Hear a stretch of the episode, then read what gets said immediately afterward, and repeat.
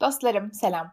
Çok okudum bittinin yeni bölümüne hepiniz hoş geldiniz. Bir çarşamba gününüzü daha şenlendirmek için buradayım. Hoş geldiniz dinlemeye. Ee, nasılsınız? Umarım güzel bir haftanız geçmiştir yine çarşambadan çarşambaya. Ben ne yaptım? Ben yine sukulentimle beraber kayıt için masanın başındayım. Oturuyorum.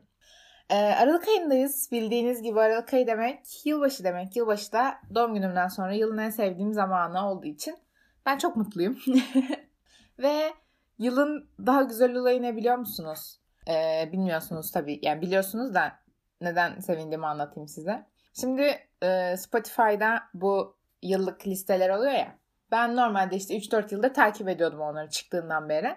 Çok seviyordum yani sonuçta yıl içinde ne yapmışım, ne zaman ne yaşamışım, ne kadar dinlemişim falan filan hoşuma gidiyordu. Ama bu yıl çok daha güzel bir şey oldu. İnsanların artık en çok dinlenen podcast listelerinde ben de varım. Çok okudum bitti de var. Ee, ilk arkadaşlarım özellikle e, tanıdığım insanlar atmaya başladığında çok sevindim, çok duygulandım. Böyle e, pıt pıt gözlerim doldu ama ağlamadım şaşırtıcı bir şekilde. Sadece gözlerim doldu. Ee, beni dinlediğiniz için bu son bir aylık süreçte, bir buçuk aylık süreçte çok teşekkür ederim. Umarım 2020 yılına da e, böyle veda ederiz. Böyle güzel bir şekilde ve 2020'den daha iyi geçecek bir şekilde veda ederiz. O zaman daha fazla Spotify listesinde olmayı ümit ediyorum.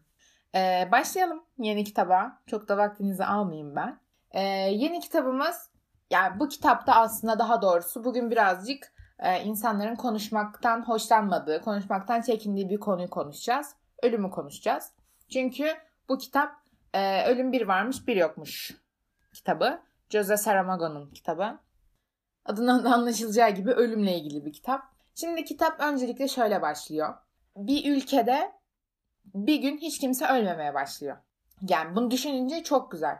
Yani bir de şundan bahsedeyim. Ben e, ölmekten çok korkan bir insanım. Yani ölmekten değil de yeteri kadar yaşamamış olmaktan hani planladığım her şeyi yetiştirememiş olmaktan çok korkuyorum öldüğüm zaman. Ve ben öldükten sonra hayatın devam edecek olması beni çok rahatsız ediyor açıkçası. Yani çok aşırı bencilce bir düşünce. Ama böyle. Yani yapabileceğim hiçbir şey yok. Ha, bunu da kitabı da e, şuradan duydum. Ben hani podcast çektiğim gibi aynı zamanda da insan bağımlısı olduğum için çok podcast dinliyorum. E, Deniz Dülgeroğlu'nun Merdiven Altı Terapi, Terapi podcastini e, dinliyordum. Deniz Dülgeroğlu'nu da hepiniz tanıyorsunuzdur ama tanımayan varsa söyleyeyim. Kendisi diş hekimi, reklam yazarı, podcast yayıncısı ve YouTuber. İşte merdiven altı terapiden sonra da YouTube videolarını izlemeye başladım. Orada da bir videosu vardı. Ölüm korkumu nasıl yenerim diye. Ben dedim ki ha evet bu videoyu izlemem lazım. Orada önermişti bu e, kitabı. Ondan sonra aldım ben de. Alalı bayağı oluyor ama daha yeni e, okuyacak kafada hissettim kendime. Böyle kitabın. E, daha doğrusu benim kitapla tanışma hikayem. Kitabın benimle tanışma hikayesi değil de. İşte kitapta hiç kimse ölmüyor. Şimdi sonraki kısımları aslında çok karışık. Ee, anlat çok çok fazla şey var ama bir kısmından sonrası spoiler'e girdiği için anlatamayacağım. Sadece yüzeysel bir şekilde bahsedeceğim. Kitap bence iki bölüm gibi, iki ayrı kitap gibi. Bir tane mektup geliyor. Mektuptan öncesi ve mektuptan sonrası olarak ikiye ayırıyorum ben kitabı. Ve e, mektuptan sonrası kısmı daha güzel bence. İlk kısımları biraz sıkılarak okudum çünkü. E, ikinci kısım daha güzeldi. Ve bir spoiler. E, yani spoiler değil de. Kitap bittikten sonra Eflatun renginden pek hoşlanmayacaksınız. o gelen mektup çok güzel bu arada. Biraz daha kitabın içinden bahsedeyim. Ondan sonra da devam ederiz. Şimdi yazar okuyucuyla konuşuyor. Bu çok güzel. Hani sürekli bizle birebir bir iletişim halinde olduğunu hissettiriyor. Bu çok güzel. Ama çok fazla açıklama yapıyor. Ya zaten kitapta cümleler çok uzun ve aşırı virgüllü. E, zaten Jose Saramago da bu kitapta e, virgül ve nokta haricinde bir ünlem, işaret, ünlem işareti değil, noktalama işareti kullanmamış. Yani tabii ki ünlem işareti de kullanmamış oluyor bu şekilde. ya işte tam konuşuyor çok güzel okey ama yani mesela demiş ki bir kere bu nasıl oldu diye işte okuyucumuz merak ederse, bu işte güneş gözlüğünün geldiği yeri merak ederse ya biz zaten bir ülkede ölümün olmayacağına inanmışız. Bu fantastikle inanmışız. Hani o güneş gözlüğünün nereden geldiğini mi merak edeceğiz? Hani açıklamaya sal ve devam et. Yani ben bundan biraz çok şey oldum, rahatsız oldum. Çok gereksiz açıklama yapıyor. Yani ben orada olayın gidişatını merak ediyorum. Ama bana gelmiş diyor ki hani işte güneş gözlüğü şuradan geldi. Bu para şuradan geldi. Hayır ben bunu merak etmiyorum. Zaten hani ölümün olup olmamasına inanmışım ben. Ve o aradaki diğer fantastik öğelere de inanmışım. Ve güneş gözlüğünün umurumda değil güneş gözlüğü. Bu da çok güneş gözlüğüne şey bir şey oldu da hani yani yapabileceğim bir şey yok. Aklıma ilk o örnek geldi. Şöyle bir söz var. Ee, böyle şunu söylemiş daha doğrusu. Ee, insanların hastalıklara bakışı bambaşkadır. Hep onlardan kurtulacaklarını düşünürler. Ancak son anları geldiğinde ölümün geldiğinin farkına varırlar. Yani evet haklı. Hiç ölmeyecekmiş gibi yaşıyoruz. Bu bir yandan güzel bir şey, bir yandan da e, kötü bir şey. Çünkü e, hep sonunda ne olacak diye düşünerek hareket edemeyiz. Bu ne bileyim günlük hayatımızı ya da bir haftalık planlarımızı falan mahveder. Böyle de deliririz ya. İnsan delirir sürekli ne olacağını ne olacağını düşünerek. Ya bir yandan da kötü bir şey. Çünkü kazık çakacakmış gibi de davranıyoruz. Ama hani öleceğiz eninde sonunda yani. Bu çok kötü bir şey. Evet farkındayım hani çok üzücü bir şey. Zaten üzücü olduğu için insanlar olarak konuşmaktan kaçıyoruz. Bu hayatın gerçeğini çok e, göz önüne sermiyoruz. Ya da ne bileyim. Düşünsenize hani birisi öldüğünde bile bunu hep yumuşatmaya çalışıyoruz işte hani. Aramızdan ayrıldı işte vefat etti gibi kalıplarla ama bu ne kadar yumuşatırsak yumuşatalım gerçeği değiştirmiyor. Yapabilecek bir şey yok. Hareketlerimiz de böyle. Özellikle bu insanlar bence bu hastalık mevzusunu kitapta söylediğini korona zamanında daha çok anladı. Çünkü ondan önce hep etrafımda e, şey insanlar olurdu hani of nefes ediyorum yaşamaktan keşke bir araba çarpsa da ölsem falan. Ama o araba çarpıp ölmesini isteyen insanlar deliler gibi yemeklerini yıka- yıkamaktan hani geri kalmadılar ya da ne bileyim 5 kat maske takarak dışarı çıkmaktan ayrı kalmadılar. Yani lafta böyle şeyler söylemek kolay ama aslında hepimiz yaşamayı çok seviyoruz. Çünkü yaşamak çok güzel bir şey bence.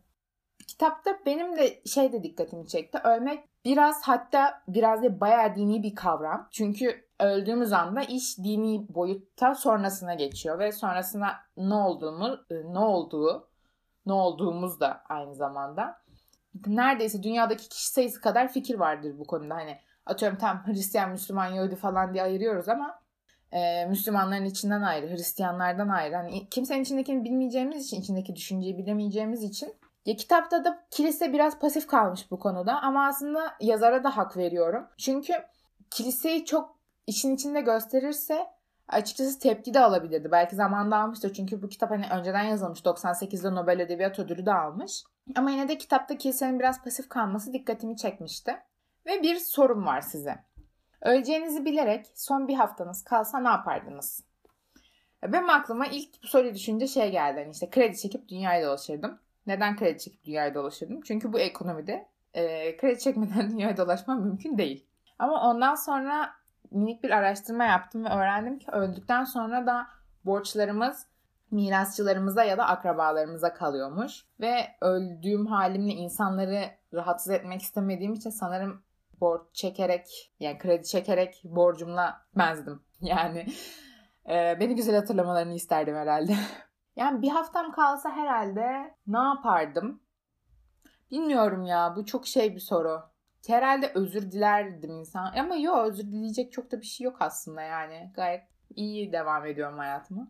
Biliyorum sizin aklınıza gelen değişik fikirleriniz olursa bana söyleyin çünkü merak ediyorum insanların son bir haftada ne yapacağını. Çünkü ne bileyim yarınlar yokmuşçasına yaşayacağım diyen de çıkabilir. Hiç uyumayacağım diyen de çıkabilir. Ya da e, 7-24 inzivaya çekilip dua edeceğim diyen de çıkabilir. O yüzden fikirlerinizi merak ediyorum.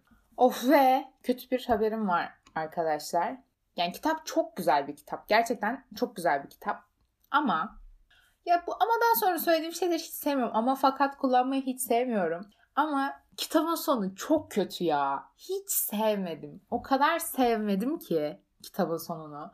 Ve kitabı okurken anladım böyle son 30 sayfada. Ya dedim ne olur tahmin ettiğim şey olmasın. Hani ne olur olmasın dedim. Bu kadar böyle bir son beklemiyorum dedim. Yani bu kadar güzel bir kitap çünkü böyle bitmemeliydi. 30. sayfa son 30 sayfaya kadar çok güzeldi her şey. İşte atıyorum ölüm yoktu. Ondan sonra işte şu olay oluyordu, bu olay oluyordu. Olayları da söylemeyeyim yani spoilersız olsun. Çünkü değişik merak ettiren şeyler de oluyor. Ama sonu of çok aa çok sinirlendim. Sevmedim sonunu arkadaşlar açıkçası. Hiç sevmedim hem de. Ama yapacak hiçbir şey yok. Son 30 sayfası yokmuş gibi davranacağım. Mesela bu kitabı bir daha okursam son 30 sayfasını okumayacağım. Çünkü kendi hayal ettiğim şekliyle hatırlamak daha hoşuma gidecek büyük ihtimalle. Sonunu ben kafamda kendim yazmışım gibi düşüneceğim. Ya eğer yazar ölmemiş olsaydı 2010 yılında ölmüş yazar mail atardım. Neden böyle bir şey yaptın? Neden? Sebebi neydi ki diye. Nobel Edebiyat Kurulu'nda olsaydım 98'de sırf 30 sayfa yüzünden bile vermeyebilirdim. Yani sonu hiç tatmin etmedi beni kesinlikle tatmin etmedi. Ama tabii ki ön yargılı yaklaşmayın. yani bu kadar dedikten sonra da böyle bir şey mümkün mü emin değilim ama. Yani 30 sayfası yok olmadığını düşünürsek çok güzel bir kitap. 10 numara bir kitap. Kesinlikle okumanızı öneriyorum. Çünkü bir de dedim ya ben çok hani çekiniyorum ölümden falan diye. Okuduktan sonra evet dedim. Ölüm ihtiyaç olan bir şeymiş. Dünyada olması gerekiyormuş. Ha, bu durum düzelir mi benim e, açımdan? Bilmiyorum biraz daha düşünmem lazım. Bu konuda kendimi biraz daha ikna etmem lazım. Ama e, özellikle eğer hani kafanızda düşünceler varsa okumanızı öneririm. Yoksa da okumanızı öneririm. Gerçekten güzel bir kitap okumanızı kesinlikle öneririm. Yani yazar hakkında da çok özellikle konuşmaya vaktimiz olmadı ama olsun. Zaten başka kitaplarını da okuyacağım. O zaman bol bol konuşuruz hakkında. Yedinci bölümümüzün sonuna geliyoruz böyle arkadaşlar. Bana istediğiniz zaman istediğiniz şekilde ulaşabilirsiniz. Ee, okuduğunuz kitapları söyleyin. Okumamı istediğiniz kitapları söyleyin. Ee, okuyalım, konuşalım, tartışalım. Kendinize iyi bakın. Hoşçakalın. Beni dinlediğiniz için tekrar çok teşekkür ederim. Sonraki bölümlerde görüşmek üzere. Bol bol kitap okuyun.